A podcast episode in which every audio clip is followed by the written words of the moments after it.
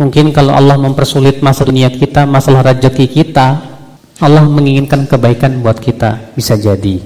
Tapi yang celaka kalau kita dipersulit untuk meraih kebaikan.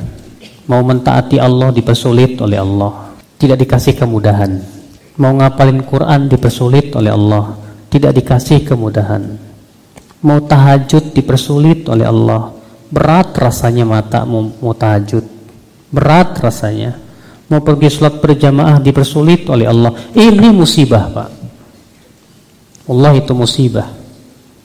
Kalau kita dipersulit masalah dunia, akan diberikan kemudahan di dunia dan tapi kalau kita dipersulit dalam masalah agama, apakah setelah itu akan diberikan kemudahan? Tidak. Hati-hati ini mas.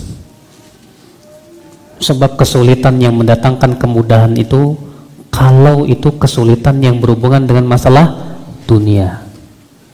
Tapi kalau kesulitan yang dimaksud itu dijadikan sulit untuk mentaati Allah, berarti dia tidak akan diberikan kemudahan kecuali kalau dia sendiri yang berusaha untuk merubah dirinya.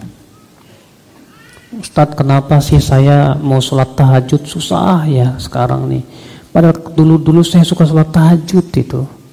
Bahaya. Kalau kita dipersulit oleh Allah dalam masalah ibadah, itu musibah. Berarti apa yang harus kita lakukan? Introspeksi diri. Barangkali itu disebabkan dosa, Pak. Selama ini saya dipersulit ngapalin, kenapa ya? Padahal kemarin-kemarin saya ngapalin sus mudah banget. Antum sih suka jelalatan, suka ngelihat yang enggak-enggak akhirnya apa? Allah jadikan hafalan antum tuh error. Ya salah siapa?